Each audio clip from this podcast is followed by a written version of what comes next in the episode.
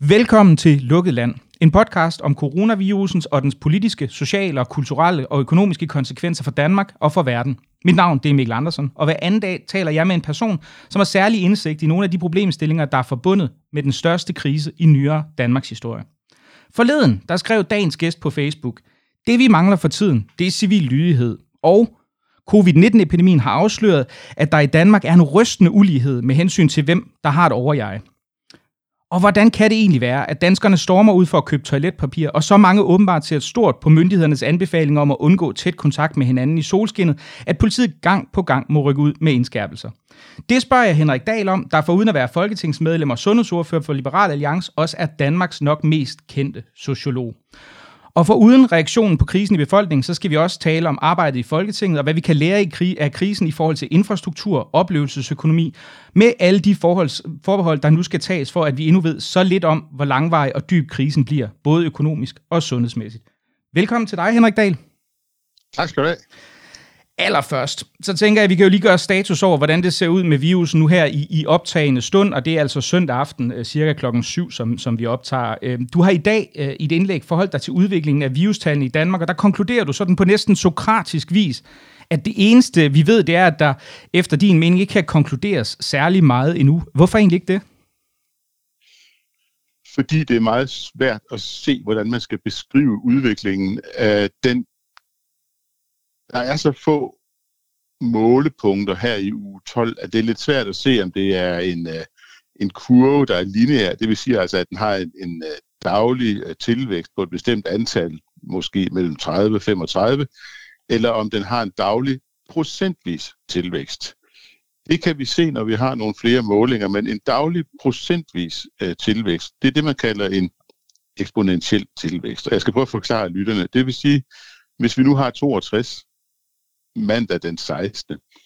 Øh, og der så er måske 1,3, øh, hvad hedder 30 procent mere øh, den 17. og 30 procent mere igen den 18. Så er formelen for at beskrive det, det er jo, at om tirsdagen er der 1,3 i første mere, og om onsdagen er der 1,3 i anden mere, om torsdagen er der 1,3 i tredje mere, og så videre, og så videre. Og det, der er interessant ved det, det er jo, at hvis vi er nede omkring en eksponentiel kurve med 15 procent eller sådan noget, så ligner den i starten en lineær kurve. I starten ligner den en lineær kurve. Men som tiden går, så betyder det her princip med, at det er 1,15 i første, anden, tredje, fjerde, femte, sjette, det betyder rigtig meget, når vi kommer ud i 30 procent eller sådan noget, 32 procent, 35 øh, procent, det svarer jo til fem uger. Så i starten kan det godt forveksles med hinanden, og vi kan bare ikke se det. Nej, det, det, vil, det vil de kommende dage jo, øh, jo mere eller mindre vise. Øhm, og så er der jo også det forhold, det er jo sådan noget, jeg vi har... Håber jo alle sammen, at der, at der er et, et, et, et, øh, et, et, et inkrement på en 30-35 om dagen, fordi det kan vores sundhedsvæsen godt klare. Men hvis det er den forkerte formel, og den rigtige formel, det er 1,15 eller 1,2 i første, anden, tredje, fjerde, femte osv., så er det en helt anden historie. Ja. Det, det, det eneste, vi kan sige for, for, sådan for indeværende, og som, som trods alt er en forsigtig, sådan optimistisk ting, det er vel, at tallene er ikke gået i forhold til de her meget stejle eksponentielle kurver, som man har set i andre lande, endnu i hvert fald. Og det er jo det er vel trods alt positivt. Nej, altså jeg tror selv, at vi skal holde meget øje med, med u 13. Øh, fordi der vil man begynde at kunne få en lidt bedre idé om det, når vi kommer hen til enden af uge 13. Ja, altså der er, jo, der er jo det her forhold, det er også noget, jeg selv har skrevet lidt om. Altså der er det her med, at vi, vi, vi for indeværende ser vi folk, der er hospitalsindlagte, som det smittet, under det, man kan kalde opsporingsfasen. Altså ind, fra den 25., hvor den første case blev indrapporteret, det var en TV2-journalist, og så indtil den 13. eller den 11. marts, der 25. februar til 11. marts, der forsøgte man jo at opspore samtlige af, af de smittede og få deres, dem, de havde været tæt på, sat i karantæne. Men det gik man jo væk fra den 11. Den 11. marts, og det betyder jo, at man kan sige, at den strategi, som man lagde den 11. marts, samtidig med, at man gik væk fra opsporingsstrategien, hvor man skal socialt distancere sig, det, den har vi ikke rigtig set konsekvenserne af endnu. Altså, vi ved simpelthen ikke, om, om, om, om det har nogen positiv eller negativ. Man kan jo formode at, og, og håbe i høj grad på, at det har en, en, ret en negativ indflydelse på, på, på, på tallene, men det ved vi jo simpelthen ikke endnu. Nej, det har du nemlig ret i, og, og, og det er også derfor, jeg siger, at det mest tilrådeligt simpelthen er at lade være med at konkludere noget, før vi har øh, flere observationer, vi kan studere. Ja. Og på, på, med den opfordring, så vil, jeg, så vil jeg spørge dig, kan du prøve at forklare, hvorfor det er, at vi mangler civil lydighed lige netop nu? Jamen, nøgleordet er jo civil, ikke? fordi civil ulydighed, det er jo, hvis man virkelig synes af moralske årsager, at myndighederne tager fejl, så skal man jo være civil ulydig. Hvis man synes at moralske årsager, at myndighederne har ret, så skal man jo være civilt lydig. Og, og jeg synes egentlig, at man kan sige, at, at, at hvis der er noget, der er asocialt, så er det altså at smitte andre. Det, det er noget, der virkelig skader andre, og jo, jo yngre man er, jo mere asocial, vil jeg næsten sige, det er, fordi jo mindre er sandsynligheden for, at man selv skal bære byrden, og jo større er sandsynligheden for, at andre skal bære byrden. Så, så, så, så derfor ville det jo være rart, hvis så mange som muligt kunne resonere sig frem til, at det er faktisk øh, rimeligt asocialt ikke at gøre sit bedste for at lade være med at sprede smitte, og så bare gøre det af sig selv.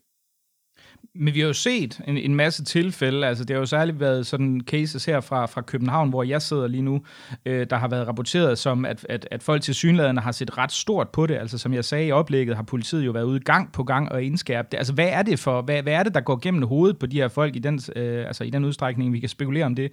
Almindelig ligegyldighed, eller, eller vælger man mere aktivt at se, altså, lade hånd om øh, myndighedernes opfordringer? Det tør jeg jo ikke sige, men, men det spiller jo en rolle, at befolkningstætheden er så stor i København, at der er jo ikke så mange steder, man kan gå hen. Og, og når, der, når befolkningen er, er meget tæt, så vil der jo være andre, der også har fået den, øh, den samme idé.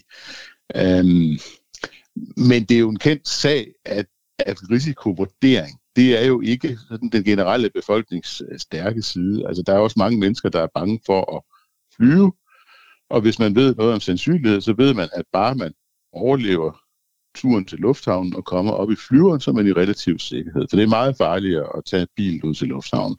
Men, men øh, altså, man kan jo ikke bebrejde folk, at, at de ikke sidder og studerer os og, og, og forstår risiko.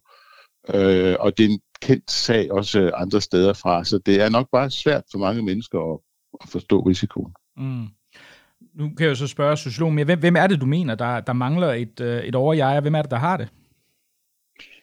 Det tror jeg er øh, meget, meget øh, tilfældigt fordelt, hvis man kan sige det på den måde. Altså det er ligesom evnen til at bestå marshmallow-eksperimentet. Altså hvis man udsætter sine behov et, et vist antal minutter, så får man to skumfiduser.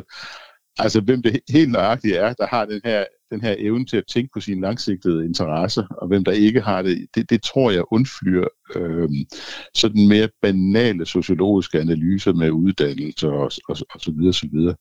Um, det er selvfølgelig anekdotisk, men det man hører fra krige, det er jo også, man kan jo ikke regne ud, hvem, hvem der øh, dør af skræk i en kampsituation, og hvem der optræder som en held. Altså, det, det er umuligt at forudsige.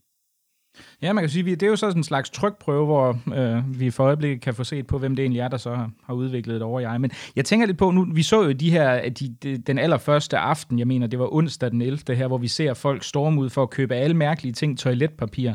Altså, hvad, hvad, hvad er det, der rent psykologisk foregår? Hvad, hvad er det, der, der gør den her, den her tendens til, til at, at stockpile ting, som man også tænker, det er måske ikke det mest fornuftige at købe i en krisesituation alligevel?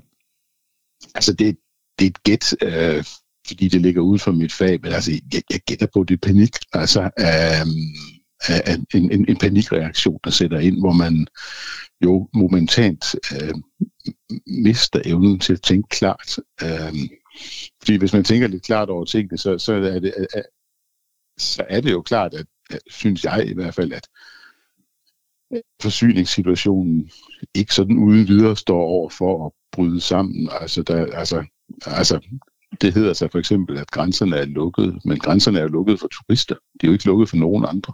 Altså, øh, og sådan er det mange steder i Europa. Man, man har bare sagt, at, at folk, der ikke sådan strengt taget har noget at, at, at, at lave, øh, må gerne blive væk, men, men i, i øvrigt så fungerer tingene jo nogenlunde, som de plejer.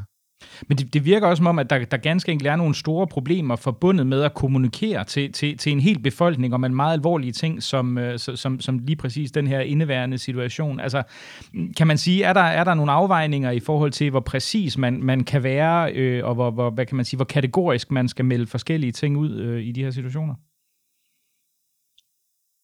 Jeg, jeg, jeg bliver da svar skyldig, altså... Øh Øhm, altså, jeg, jeg tror selv, at, at det bedste, man kan gøre, det er at være tålmodig og være forstående, men selvfølgelig også være tydelig og, og kontant og sige, hvad, altså, lad være med at pakke ind, øh, hvad man mener, lad være med at tale som englænder og sige, det kunne måske være en god idé, at må jeg foreslå, men bare sige, hvad man synes. Altså, det, det er selvfølgelig en, en lægmands betragtning, men altså, jeg, jeg synes egentlig, at i sådan nogle lidt... Øh, en, en lidt skærpet situation, som vi er i, så er det nok i virkeligheden det, der virker bedst.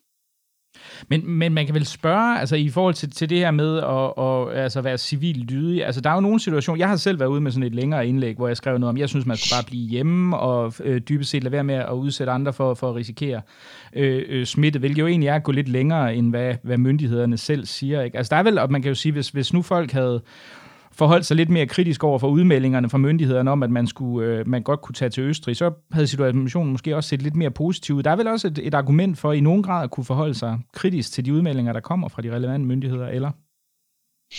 Det er der jo altid, altså, men, men øh, altså, øvelsen består jo altid i, at man skal tænke selv. Altså, øh, jeg har selv haft det inde på livet, fordi jeg var øh, med i den beslutning, som Sundhedsudvalget tog 25. februar om at lade være med at tage til Israel.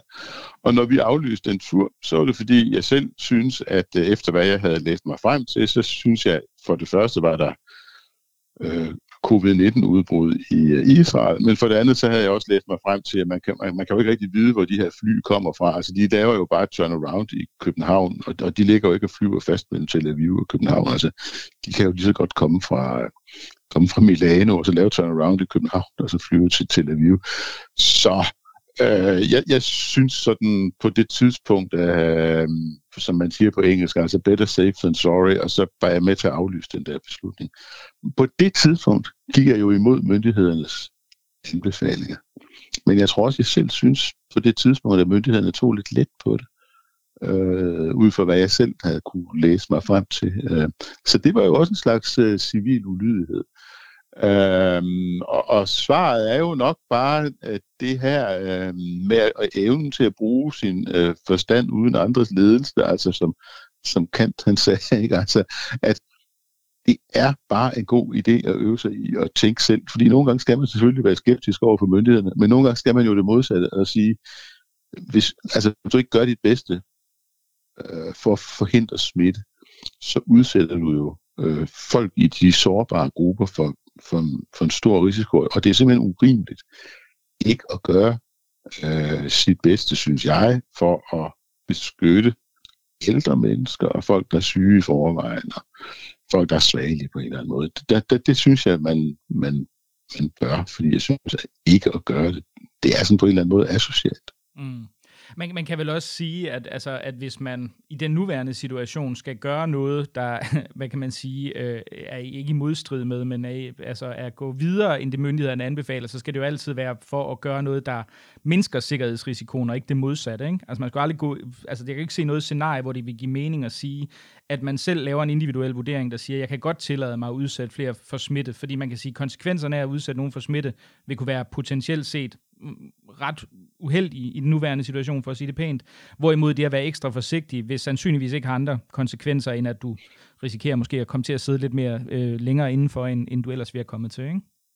Men jeg synes, at et oplyst menneske kan jo ikke nå frem til andre øh, øh, konklusioner, fordi man, man kan jo heller ikke vilde det som en almen regel, at man skal gøre mindre, end man kan. Altså, så, så, så, så, så, et oplyst menneske vil jo ligesom sige, jamen jeg skal jo, jeg, jeg har jo en eller anden moralsk forpligtelse, eller der, der, der er en eller anden sammenhæng, som er, at man skal jo ikke ville en regel, som man ikke ønsker en almen regel. Det er jo Kants kategoriske imperativ. Hvis man tager udgangspunkt i det, jamen så skal man jo ikke ville en almen regel, der hedder, at, at, at man har lov til at tage det let på andre menneskers sundhed og deres liv i sidste instans det, det, det, det, er ikke, det er da ikke en almen regel, som et oplyst menneske kan gå ind for. Man skal da, man skal da gøre, hvad man kan, for ikke at udsætte andre mennesker for fare, og i sidste instans måske død.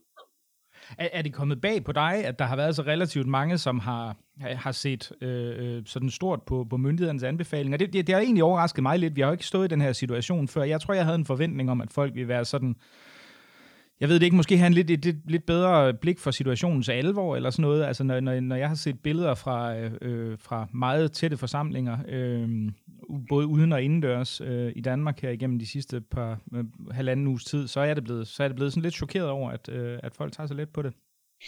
Men, men jeg kan ikke rigtig regne ud, hvor mange det er, fordi øh, altså, jeg, jeg ved heller ikke, hvor mange mennesker, der gik amok der den 11. marts om, om aftenen, fordi de, øh, de fylder jo meget ind i sådan en butik, og derfor mm. ser det også øh, øh, drabligt ud. Um, jeg, jeg mener faktisk, hvis vi skal være flere, jeg mener faktisk, at detailhandlen har været med nogle tal, der viser, at det var vist egentlig ikke så slemt, som, som det så ud, men altså man kan jo sige, hvis et billede af en, en fyldt netto en onsdag kl. 19 kan jo godt se dramatisk ud. Nej, men jeg har selv tænkt bare det der med, at det, det ser også meget dramatisk ud, når, når, når, når, når sådan en forretning den er, er, er fyldt over sin kapacitet.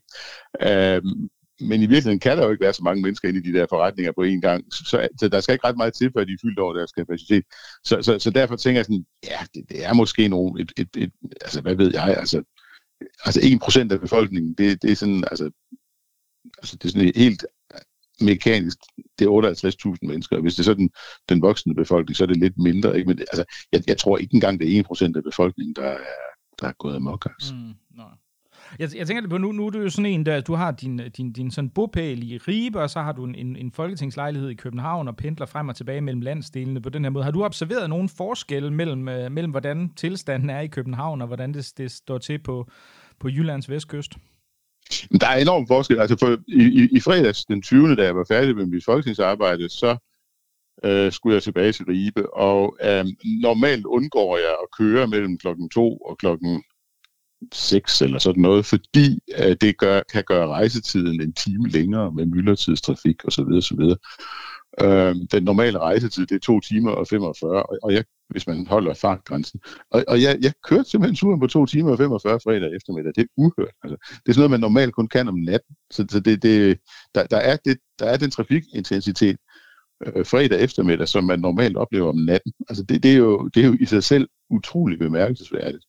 Um, når man så kommer herover, så er her jo ret tyndt befolket i den sydlige del af Esbjerg Kommune, hvor jeg bor, øh, på, på kanten til Tønder Kommune, som er meget tyndt befolket.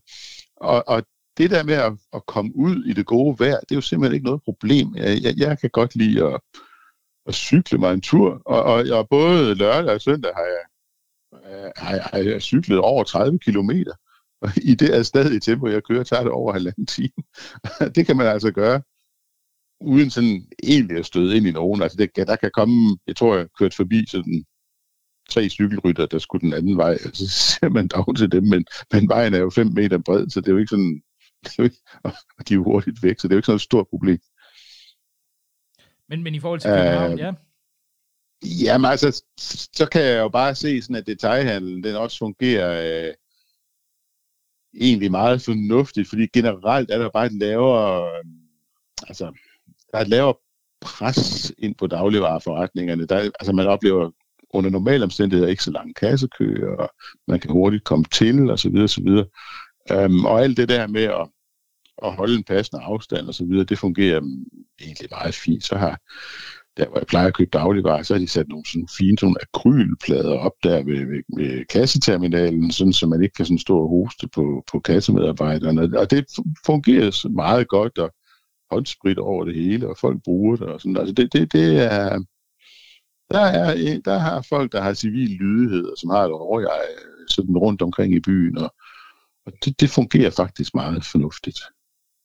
Jeg, jeg vil også sige for, for, for min egen regning, at, at øh, altså herude på Amager, hvor jeg bor, der er folk øh, utrolig gode til øh, at opretholde alle øh, de her measures, som jeg i hvert fald, så vidt jeg kan se i min lokale Føtex, som, som er det eneste sted, jeg egentlig færdes, men øh, der er folk faktisk rimelig, øh, er rimelig fornuftige til, at, til at, at, at agere ansvarligt.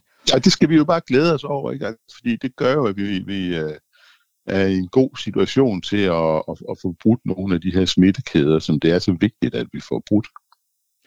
Hvis vi nu kigger på, øh, på, på, på dit, dit virke som sådan folketingsmedlem og parlamentariker, og naturligvis også sundhedsordfører, hvordan, hvordan fungerer Folketinget lige nu? Altså jeg ved, du har været derovre den sidste uge, som du fortalte for lidt siden. Hvad, hvad, hvad sker der her? Hvordan, hvordan foregår mødeaktivitet osv.?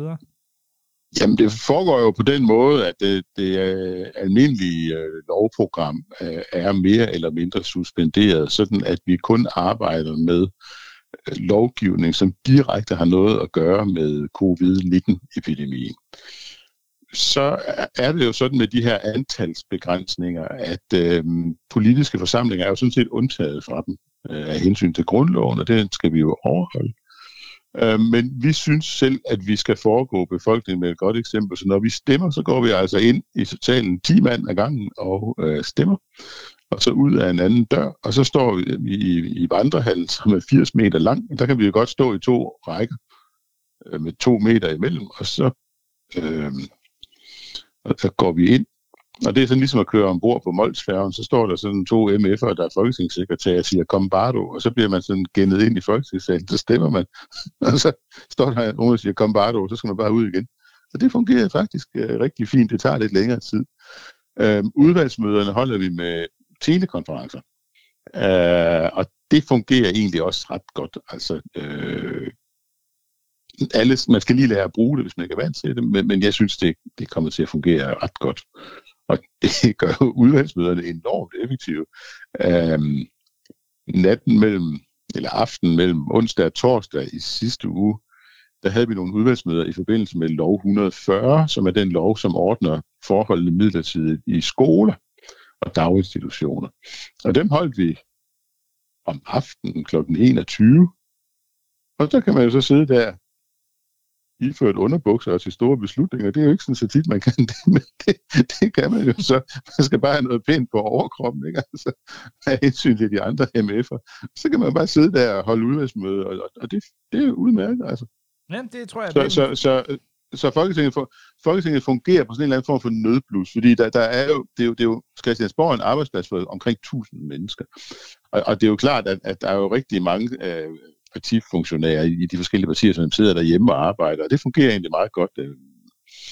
Vores IT-service er egentlig ret velfungerende, så hvis jeg skriver til en eller anden medarbejder i vores partisekretariat, om, om, om, vedkommende kan hjælpe mig med et eller andet, jamen så sidder vedkommende så øh, hjemme hos sig selv, og så går der ikke ret lang tid, og så får jeg det notat, jeg står og mangler, eller hvad det nu kan være. Det, det er egentlig ligesom, hvis jeg bare havde lukket døren ind til mit eget kontor. Hvordan er stemningen derinde? Altså er det trykket, eller, eller er det business as usual, eller hvordan? Det tror jeg nok kommer lidt an på, hvem man spørger, fordi det, det altså... Øh, der er en blanding af business as usual, og sådan en eller anden fornemmelse af, at, øh,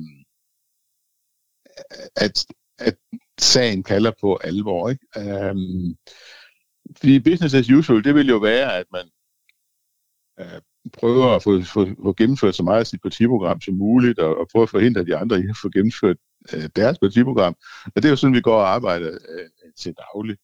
Øhm, men den her øh, covid-19-epidemi, den vender jo også op og ned på alting. Fordi der, der er jo ikke nogen der er gået til valg sidste år på at revidere epidemiloven. Jeg, jeg har været til rigtig mange møder op til valget og i, i valgkampen. Der var ikke én politiker fra et parti, der sagde én sætning om at revidere epidemiloven. Altså, jeg vil gætte, der er, er en procentdel af Folketingets medlemmer, som formodentlig ikke er bekendt med indholdet af epidemiloven, vi har gæt på. Det, jeg vidste der ikke, der fandtes sådan en umiddelbart før den her Jeg tror, vidensniveau, vidensniveauet om, om epidemiloven, det er steget næsten lodret øh, ja. sidste uges tid. Det er en eksponentiel kurve, simpelthen. ja, præcis, ikke? med en meget kort fordoblingstid. Ikke? Altså, fordi, fordi det er, er jo en, en lov, som har til formål sådan helt grundlæggende at beskytte folkesundheden, og dermed øh, sikre almenvældet i, i, i almenvældets helt grundlæggende betydning. Altså, der, der er jo ikke noget mere centralt for almenvældet, end at, at, at, folk er raske og, og ikke, ikke dør øh, for et unødvendigt kort liv. Altså, det er jo, det, altså at, at, at, vi, at, at, en, at en stat kan beskytte sine borgere. Der er vi jo sådan helt nede med sådan den her hobbesianske kontrakt, som den hobbesianske stat har med borgerne, om at de afleverer en portion af deres frihed til gengæld for sikkerhed. Altså, altså det, det, det, det er helt dernede ved, ved essensen af, hvad en civiliseret stat er. Det er jo det er jo en stat, der gør alt, hvad den kan for, at borgerne ikke lider overlast og bliver syge og dør. Øh, andet end af sådan helt uafvendelige øh, årsager, som der ikke er noget at gøre ved. Og, det, og det, det, det er meget specielt, at vi står i, i den situation, at nu er det folkesundheden, øh, vi skal slå et slag for. Øhm, og, og der er ikke... Ja, altså det, er jo, det er jo ikke... Øh, altså, der er jo ikke nogen, der er imod at slå et slag for folkesundhed. Det er vi alle sammen for. Men, men der er jo folk, der sidder derude og, og synes, at, at hvad kan man sige, den her meget, meget stærke øh, statslige magtanvendelse, som jo virkelig, vi ser, vi ser jo statsmagten i, altså i, i fuld dressur, altså fuldstændig fri dressur. Ikke? Det er jo sådan ligesom den her Karl Schmidtske undtagelsestilstand, vi er vidne til. Ikke? Og der er jo folk, der sidder, jeg ved, Lars Trier Mogensen har skrevet nogle forskellige indlæg, hvor han sådan ligesom øh, siger, jamen øh, er det her ikke et problem, at statsmagten lige pludselig tiltager sig så store øh, beføjelser og, og kan gennemføre, gennemtvinge så drastiske ændringer i folks liv? Altså, der sidder jeg og tænker, hvad, du er jo sådan en, en liberal, det er, det er jo også selv, men, men, men hvad tænker du om, om de, her, de her kritikpunkter? Altså, jeg tænker, øh, at det er selvfølgelig meget vigtigt, at de her spørgsmål bliver stillet, og det er meget vigtigt, at Folketinget er der for at kontrollere øh, regeringen. Og derfor er regeringen også gået med til, at der er sådan nogle parlamentariske følgegrupper, alle de steder, hvor vi laver sådan noget undtagelseslovgivning, der udløber i marts næste år, som har solnedgangsklausul. Og derfor er der en parlamentarisk følgegruppe, som mødes en gang om ugen, eller holder konference en gang om ugen, på sundhedsområdet, og der er en på øh, undervisningsområdet, og den, som jeg er med i, og så er der selvfølgelig også nogen på de, øh, alle de økonomiske og erhvervsøkonomiske områder. Så den her funktion med at kontrollere regeringen, den øh, fortsætter.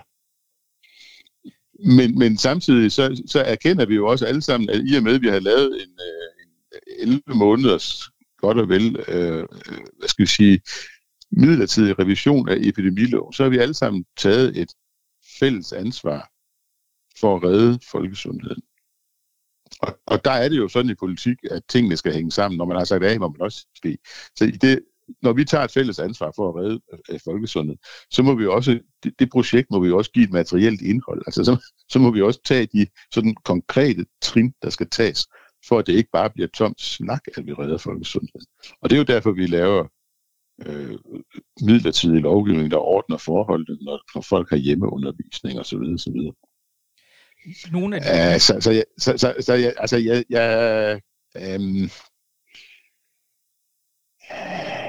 jeg, jeg, jeg synes måske nok, at der er nogen, der sådan læser deres øh, foretrukne standpunkter ind i den her ekstraordinære situation, og det er jo meget menneskeligt, at man gør det, og, og, og det er jo ikke det er jo ikke kun folk fra en side i politik, der læser deres foretrukne standpunkter ind i det, men hvis man i forvejen har et standpunkt om, øh, at nu skal vi passe lidt på med staten, så er fristelsen til at læse sit, sit standpunkt ind i det her jo meget øh, nærliggende. Det man bare skal huske er, at der er jo ikke en af os, der har gået til valg på, at vi gerne vil have lov til at håndtere en national sundhedskrise. Vi har ikke bedt om det. Ikke en af os, der har bedt om det. Vi ville ønske, at vi kunne være fri for det. altså, jeg, jeg, jeg sidder sådan og kigger i mine dagbogsnotater, ikke? og bare, bare i starten af marts var der, var der problemer ved den græsk-tyrkiske grænse. Dem er der ikke nogen, der har... De er der stadigvæk, men der er ikke nogen, der har tid til at snakke om dem. Ikke? Og der var alt mulige dagsordner, at det skulle være Arnes tur, og der skulle være udligningsreformer og alt muligt andet. Ikke? Og man kan jo næsten længes tilbage til, til skamyslerne på den græsk-tyrkiske grænse. Det var en fredelig verden, vi levede i dengang. Ikke? Og man kan længes tilbage til udligningsreformen osv., fordi vi er ikke gået til valg på det her. Nogen af os. Men, og, og vi glæder os enormt meget til det er forbi. Men man kan jo sige, altså der er jo nogen, der, der udlægger det her som sådan en potentiel styrkelse for Socialdemokraterne, men man kan vel, man kan vel også sige, at det, det er særdeles tvivlsomt, hvor mange af deres mere ambitiøse projekter i forhold til grøn omstilling og, og, og sørge for, at det bliver Arnes tur, og hvor mange af dem, de kan få realiseret? det er en analyse, jeg slet ikke forstår, fordi øh, netop som du selv siger, altså den politik, vi fører øh, lige nu, øh, hvor vi bruger så mange penge til at redde det private erhvervsliv og, og, og til at beskytte folkesundheden og til at få tingene til at køre, øh, det lægger jo beslag på nogle penge, som jo altså kun kan bruges én gang, og som så ikke kan bruges til en lang række af de værksager, man gik til valg på. Altså, det kan ikke, når pengene er brugt, kan de jo ikke bruges til minimumsnummeringer, de kan ikke bruges til Arens tur, de kan ikke bruges til øh, en ekstremt ambitiøs klimalov. Der er en hel masse ting, de ikke øh, kan bruges til. Så på den måde er det jo, altså set i det perspektiv, at det jo sådan i en vis forstand opoffrende af regeringen, at den fører så vidtgående øh, sundhedspolitik. Fordi den her meget vidtgående sundhedspolitik, den er jo sådan set undermineret af valgoplægget. Og den underminerer også forståelsespapiret. Det skal man jo lige være opmærksom på. Men, og, og, og, og, og hele spørgsmålet bliver jo også, det, at, at når, når covid-19-epidemien er forbi, så skal, så skal der jo føres en, en eller anden form for genopretningspolitik. Og, og det vil jo også blive en genopretningspolitik, der vil få stærk fokus på at genoprette det private erhvervsliv. Så, så det bliver nok ikke Arnes tur for, sådan, inden for en overskuelig fremtid? Jamen, altså, jeg, jeg tror i virkeligheden, at den her øh, øh, epidemi vil, vil ændre rigtig, rigtig meget. Ikke? Og, jeg, og jeg tror faktisk, at det som den historiske erfaring er, det er, hvis du har sådan en, en periode, hvor man, hvor man har bedt øh, borgerne sådan bredt ud i landet om at tåle rigtig meget, så vil borgerne også føle, at på en eller anden måde, så skal øh, så skal der også findes nogle politiske løsninger, der kommer rigtig, altså kommer de samme mennesker, som har tålt rigtig meget, så den på en eller anden måde kommer dem til gode. Ikke? Altså, den generation af, af mænd og kvinder, der er sådan unge mænd og kvinder, der løftede USA igennem 2. verdenskrig, de fik jo altså helt usete fordele i retning af at få en uddannelse og, og få et sted at bo og få stiftet familie på nogle vilkår, fordi der var en tænkning i, i, øh, i 40'erne og 50'ernes USA, som bare som, ja, okay, altså I, I har på en eller anden måde også lagt krop til 2. verdenskrig. Nu kan det her ikke sammenlignes, men, men det er jo princippet, jeg prøver at sige noget om, som ligesom er, der, bliver, der bliver, der vil i lang tid blive krævet rigtig meget af rigtig mange mennesker. Og det er enormt svært politisk at sige, jamen, Nå, det er det. Det kan man ikke. Altså, der vil selvfølgelig være et eller andet pres for at sige, øh, alle os, der har bragt så store ofre, og nu er, vi, nu er vi kommet igennem på den anden side, nu skal vi også have tingene op og køre på en eller anden øh, afbalanceret måde.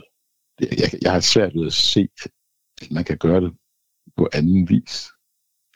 Men, men jeg tænker, det er jo, nu, nu, nu du selv nævner de her meget omfattende øh, øh, hjælpepakker, der, der er kommet i spil. Ikke? Altså, vi så her forleden dag, der var der en til de små og mellemstore erhvervsdrivende på 50 milliarder. Ikke? Det er jo det er fuldstændig astronomisk beløb. Altså, det, det udligningsreformen ja. snakkede om, det var omkring 1,5, så selvfølgelig på årsbasis. Men der går en del år, før vi kommer op på, på, på hvad det hedder, øh, 50 øh, milliarder, trods alt. Ikke? Så, så, så som liberal må det vel også være øh, en lidt ambivalent fornemmelse at sidde og tænde for den store øh, offentlige øh, skatteborgerfontæne, der bare sprøjter øh, øh, statslige midler ud til, øh, til ja, dybest set alle mennesker i samfundet, vel? Jamen, altså, for mig personligt, altså, jeg, jeg, altså, jeg er altså mere, jeg er først og fremmest dansker, altså. Øhm, og, og det er med den attitude på. Altså, så vil jeg gerne have, at, at, at vi i, i genopretningen selvfølgelig tænker på, at vi skal ikke statsliggøre øh, økonomien. Det er rigtig, rigtig vigtigt, at vi skal vi skal sørge for, at, at når vi genopretter alting efter epidemien, at vi så laver nogle ting, der går i retning af et liberalt samfund, når vi kommer til genopretning. Men jeg er altså dansker. Og som, og som dansker må jeg bare sige, at det her er en uhørt trussel imod folkesundheden. Fordi der er jo mange, som ikke rigtig kan forstå, at man tager nogle statistikker frem med influenza-dødsfald og så videre, så videre, så videre, og siger, det, det, er jo, det er jo ikke det, der er problemet. Problemet er udsigten til et øh, sundhedsvæsen, der bryder sammen. Fordi et sundhedsvæsen, der bryder sammen, det har så meget af det, man i andre sammenhæng kalder collateral damage, at det er sådan helt skrækindjagende at tænke på. Det har jo som collateral damage, altså at vores, vores sundhedsvæsen vil midlertidigt få en standard, som, jeg kan ikke sige det nøjagtigt, men altså, som vil være, være noget, man kendte for 50 år siden. Altså med, med, med hvad man formår i sundhedsvæsenet, hvad man kan hjælpe folk med, og øh, hvor hurtigt man kan blive hjulpet osv. Så, videre, så, videre. så en eller anden sådan en katastrofisk begivenhed, som, som i virkeligheden sådan pludselig sætter vores sundhedsvæsen årtier tilbage med hensyn til, hvad man kan hjælpe folk med, det er jo en frygtelig ubehagelig tanke. Altså, det vil jo gøre... Men det, det vil jo gøre alt muligt banalt, altså akut kejsersnit og blindtarmbetændelse og trafikulykker og blodpropper og sådan noget. Altså det vil jo gøre alt sådan noget langt mere farligt, end det er i dag. Altså, vi, vi har set den, de her argumenter om, at det minder om en, en, en, en, en influenzaepidemi, og så har man de her statistikker for, hvor mange influenza-dødsfald der er. Det er jo et, en, hvad kan man sige, det er en ren statistisk opgørelse, men det er noget andet, jeg har skrevet længere indlæg om det på min Facebook, hvis man er interesseret i det. Men, men det, jeg synes, der er det fascinerende, det er, at folk, der advokerer at man dybest set betragter det her som en, en influenza-lignende tilstand, og at man altså lader være med at, at, at lave de her omfattende interventioner, der er ekstremt dyre, det kan vi jo se. Men det, man advokerer, er jo for mig at se, at man gør noget, der vil føre til italienske tilstande, og måske endda mere end italienske tilstande. Altså vi kan selvfølgelig sige, at vi kan være heldige, at virusen går i sig selv, men hvis man, hvis man antager, at den udvikler sig på samme måde i fri dressur, som den har gjort i Italien, så kan vi jo se, hvad konsekvenserne af det synspunkt er. Og det vil jo sandsynligvis endda kunne være endnu mere vidtgående i Danmark, med det forbehold, at vores sundhedssystem selvfølgelig er skruet lidt anderledes sammen, fordi italienerne har jo faktisk taget forskellige former for tiltag, der skal, der skal reducere smittebegrænsningen. Så jeg synes, det, det er nogle meget uhyggelige implikationer for min egen regning, øh, at man kan forestille sig, hvis man forestillede sig, at myndighederne ikke havde lavet de her tiltag, som, som vi ser for indeværende. Jeg, jeg tænker, vi kommer nok også jo, til at jo, se... altså, og det kan du jo bare lægge. Så vidt jeg har forstået, så er sundhedsvæsenet i Lombardiet faktisk en anelse mere robust end vores sundhedsvæsen. Så, så, så det, det, det er jo et meget mærkeligt argument, fordi den årlige omgang influenza medfører jo ikke kollaps i sundhedsvæsenet. Så, så et, et tænkende menneske burde jo ligesom kunne sige til sig selv, jeg kan jo ikke jævnføre det her med influenza, fordi det er jo ikke sådan, at sundhedsvæsenet kollapser hvert år i, i vintermånederne. Det gør det jo ikke. Altså, det kører, sundhedsvæsenet kører jo videre, men det italienske sundhedsvæsen er jo kollapset. Øhm, og, og man, altså nu øhm, indkalder man pensionerede læger fra hele landet til at rykke op nordpå, og så videre, og samfundssindet, det er stort, og det er godt at høre. Men de står jo også og mangler øh, altså, de mangler jo også maskiner og medicinske præparater og værnemidler, og, og, og, og lægerne og sygeplejerskerne, portørerne bliver jo syge og så videre, så videre. Ikke? Altså, øh, så man kan, man kan jo slet ikke, altså det er helt irrelevant at sammenligne med, med influenza. Og samtidig er den her collateral damage i form af at, at, at, at bare ikke have et sundhedsvæsen. En, en, en periode ikke rigtig at have et sundhedsvæsen. Det er en ekstrem trussel mod folkesundhed. Og jo længere den periode, hvor man i realiteten ikke rigtig har et sundhedsvæsen, den varer, jo, jo større er truslen mod folkesundheden naturligvis. Og, og der mener jeg bare, altså, altså der mener jeg sådan set bare, hvis man som politiker ikke altså gør virkelig, virkelig meget for at forhindre den her situation, så, så synes jeg heller ikke, at man rigtig er fortjent til, øh, til altså har man ikke rigtig gjort sig fortjent til borgernes tillid.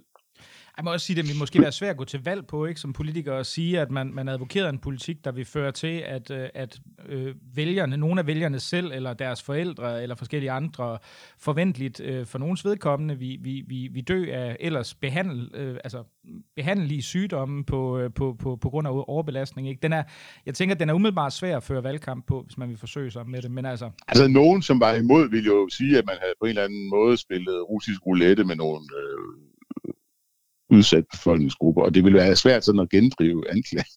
det vil jeg også umiddelbart tænke, fordi det vil nærme sig man havde spillet, man, roulette. Ja. man havde spillet russisk roulette med de gamle, ikke? Altså, det, det er bare ikke særlig nobelt, altså, det må man bare sige, og, det, det, og, hvis, og hvis det sådan ligesom bliver eksponeret i, i, i, i, i en valgkamp, og man ikke rigtig kan man ikke rigtig kan komme igen på sådan en anklage, så, så ser man ikke godt ud. Altså, det må jeg bare sige. Altså apropos nu vi taler om sundhedsvæsenet, så, så, så, så har du jo også på, øh, på sociale medier været ude at sige, at du mener, at den her krise, den har aflø, øh, afsløret et problem i forhold til, til, til øh, infrastrukturens robusthed, altså særligt på, på sygehusene. Hvad er det, som, som, som den her krise har vist os i den her scene?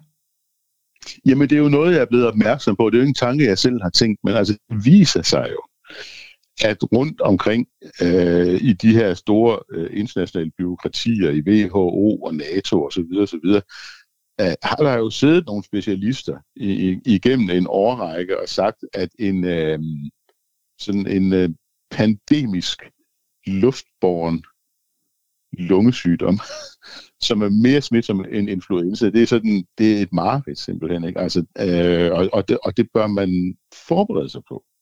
Og det er ikke kommet sådan fra det, fra, det viser sig så, at det er så ikke rigtigt sådan kommet fra embedsmandsniveau op på det politiske niveau. Og det, i Europa i hvert fald. Det er åbenbart kommet op på politisk niveau i Sydkorea og i Taiwan, øh, fordi de har jo åbenbart haft et, øh, et, et mere robust beredskab, øh, end vi har haft, og det forklarer noget af det, den succes, de har haft. Men disse her øh, øh, embedsmænd, højt specialiserede, som har siddet øh, rundt omkring i nogle store sundhedsorganisationer og tænkt tanker igennem en, en årrække. At det er ikke sådan blevet filtreret øh, særlig kraftigt op til det politiske niveau.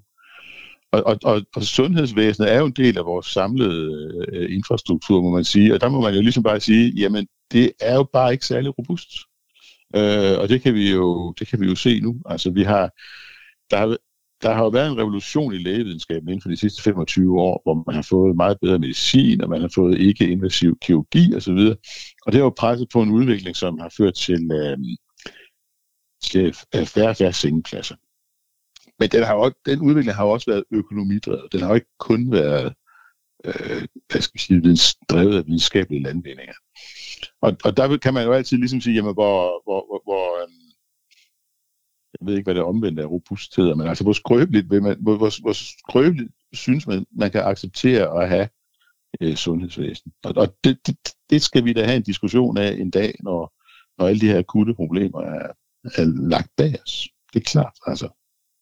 Så, så fra LA's side kunne man også godt forestille sig flere penge til, øh, til det offentlige sygehusvæsen, når øh, vi engang skal evaluere på det her? Jamen altså, jeg, jeg, jeg, jeg tror bare, at man er nødt til at have en diskussion af, hvor, hvor sårbart eller hvor robust et sundhedsvæsen er det ud fra sådan nogle mere almene betragtninger øh, rimeligt at have det, det, er jo, det er jo lidt det samme som, jamen, hvor mange brandbiler skal man have, ikke? Altså, det er jo sådan, ligesom at sige, ja, vi bruger dem jo ikke så tit, vel, men det er jo så på den side så rart at have dem, hvis der sådan virkelig kommer en stor brand, ikke? Altså, og det her er jo lidt en diskussion i samme boldgade, som diskussion om, hvor mange brandbiler man sådan synes, man skal have stående, ikke? Altså, det, det er også klart, hvis der kommer en eller anden ødelæggende øh, storbrand, ligesom i København i 1794, og man har sparet alle brandbilerne væk, så er man jo ærger sig bagefter, ikke? Altså, det, det, det siger sig selv, ikke? Altså, og, og det er jo lidt den situation, øh, vi jo samlet set er i, fordi det, tingene hænger jo sammen. Ikke? Hvis, jeg, jeg kunne godt forestille mig, at man ligesom vil sige, hvis vi, hvis vi skal have oplevelsesøkonomien op og køre igen, så må vi jo også gøre os klart, at oplevelsesøkonomien hænger jo meget snævert øh, sammen med udbredelsen af covid-19 i Europa.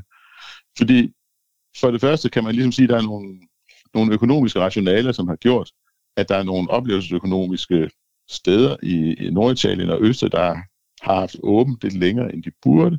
Det kan man ikke bebrejde folk. Øh, sådan vil man jo nok tænke, hvis man ikke er informeret om risikoen. Men det har kørt for længe. Øh, og, og så og, betyder og her, bare, lige, bare lige for lytternes skyld, det, det, der her, her taler vi om, øh, om skisportstederne i... Lige præcis, i ikke altså. Ikke? Altså, jeg, jeg, jeg, jeg sidder selv og tænker på, ligesom sige, det, altså, at det går jo sådan ret galt i nogle af de største turismelande i Europa. Det tror jeg nok, man skal prøve at lægge lidt mærke til. Altså, Spaniens turist øh, sektor er en meget stor sektor i spansk økonomi. Og der er selvfølgelig også en meget forståelig grund til, at man ikke vil have sådan en total kollaps af, af den økonomiske sektor. Men oplevelsesøkonomien betyder så også, at de her mennesker, som er blevet syge, de er så rejst rundt til alle afkroger af Europa, op til Island og til Færøerne, og jeg ved ikke hvad, altså steder, der ligger rigtig langt fra Ischgl. Ikke? Altså, øh, og, og, og, og, så, så det har jo haft meget store konsekvenser. Og nu får det også konsekvenser, fordi alting bliver lukket ned for, øh, inden for oplevelsesøkonomien for ikke at, øh, altså for ikke at sprede smitte. Så, så den ligning, man kigger ind i, det er jo nok en ligning, hvor man siger, at hvis man nogensinde skal have oplevelsesøkonomien op og køre på fuld plus igen, så skal det nok være kombineret med nogle, nogle bedre sikkerhedsforanstaltninger i forhold til pandemier og noget bedre beredskab. Hvad, hvad kunne det for eksempel være, tænker jeg, sådan rent, altså rent praktisk? Hvordan kunne man give sig til det her? er jo vel det, man næsten kunne kalde sådan en sygdomsmæssig 100-års hændelse. Altså, hvordan, hvordan laver man beredskab, der kan tage det for den slags? Jamen, der er jo noget, der tyder på, at, at, at, at Taiwans beredskab øh, bare har været mere effektivt. Altså, de har haft flere mennesker, de hurtigt kunne jage ud og desinficere, for eksempel. Ikke? Så der vil være en diskussion om, hvor mange, hvor mange mennesker skal man sådan have, have øh, til at desinficere. Og også noget med, hvor skarpe regler skal man have for at desinficere. Ikke? Altså, det, det, altså det, det, det, er jo, det er jo sådan en helt almindelig regulering, men det, hvor, hvor meget skal du egentlig desinficere sådan en, en bar i alberne, og hvor meget skal du desinficere toiletterne, og, og hvor meget... Øh, hvor, hvor hysterisk øh, skal man øh, være med, øh, hvor store restauranter kan man have, altså uden at, uden at, uden at der skal, for tæt kan borgerne stå. Altså det er, jo, det, er jo, det er jo sådan noget helt kedeligt, noget man normalt sidder og, og regulerer, og som jeg ikke har svaret på, men hvor jeg siger, altså hvis oplevelsesøkonomien skal op og køre igen, så er det jo noget, man skal tage stilling til. Men, ja, altså, øh, man, man er også nødt til at tage stilling til at sige, at mange af de metoder, de har brugt i Sydkorea og Taiwan, dem kan vi jo ikke lide her i Europa, fordi det er jo sådan noget med at aflytte folks standkort og advare nu, nu er der en smittespreder der, der. Det bryder vi os normalt ikke om, og det skal vi nok heller ikke gøre, men altså, vi, vi, er, vi er nødt til at have diskussionen, altså. Ja, det ser ud som, at altså, sydkoreanerne og nu israelerne har jo haft øh, virkelig stor succes, eller i hvert fald været ret effektive i deres kommunikation i forhold til at overvåge folks mobilfærden, ikke? Fordi man kan jo... Præcis, via, via den og det bryder vi os jo ikke om. Nej det, det bryder vi os jo generelt ikke om. Vel? Altså, øh, man kan så sige, okay, de har så brugt nogle teknologier, som vi ikke bryder særlig meget om, men man må også sådan med hånden på hjertet, må man også sige, okay, altså de, det har de så også fået noget ud af. Ikke? Altså, og, og, og det, er jo, det er jo derfor, politik er spændende, fordi der er jo ikke noget svar på, hvordan man laver sådan nogle afvejninger, og, og øhm, jeg har heller ikke svaret på det, det, det men, men altså, det, der som regel hjælper, det er i hvert fald at, at, at, at have en åben diskussion om det. Men, men, men, men altså det, det, man kan sige, de, de ting, som vi, når vi nu sidder og snakker her, det tenderer i retning af, det er sådan, det er okay i den her særlige situation at bruge meget store offentlige midler. Måske kan man åbne for en diskussion omkring yderligere midler til sundhedsvæsenet, og måske kunne man også øh, se lidt på øh, i den her type situationer, måske er det okay at, at, at se lidt på borgernes færden. Altså det vil jo sige, hvis når jeg sidder sådan, så tænker jeg, at det lyder ikke så liberalt. Gør det det her nok? Nej, altså det, det er klart, at, at, at, at det er jo bare sådan, at, at, at man kan jo ikke tage stilling til nogen som helst politiske spørgsmål, uden at sætte dem ind i en kontekst. Øh, og, og, og ting, som er, øh, som er uacceptable i en kontekst, er jo, er jo sådan set øh, acceptabelt nok i en anden øh, øh kontekst. Altså det, er jo ikke, altså det er jo ikke acceptabelt, at jeg sådan af hensyn til mig selv overtaler borgmesteren i Esbjerg Kommune til at ekspropriere et hus, der tager min udsigt. Altså, det kunne være fristende, men altså, det, det går jo ikke vel. Altså, men hvis man skal lave en eller anden vej, der sådan vil forbedre tilværelsen for en hel masse mennesker, så vil man jo normalt sige, nå ja, men altså, der er et hensyn til almenvældet, som er, at vi skal bygge en vej, og det hensyn til almenvældet, det er, at nu bliver dit hus altså øh, revet ned, og så får du en erstatning, der svarer til, hvad det er værd, og det må du finde dig i. Øh, og, og det er bare sådan, hvis man læser grundlov med de briller på, altså at, at, at hensynet til almenvældet, det kan faktisk skubbe til ret mange paragrafer i grundloven.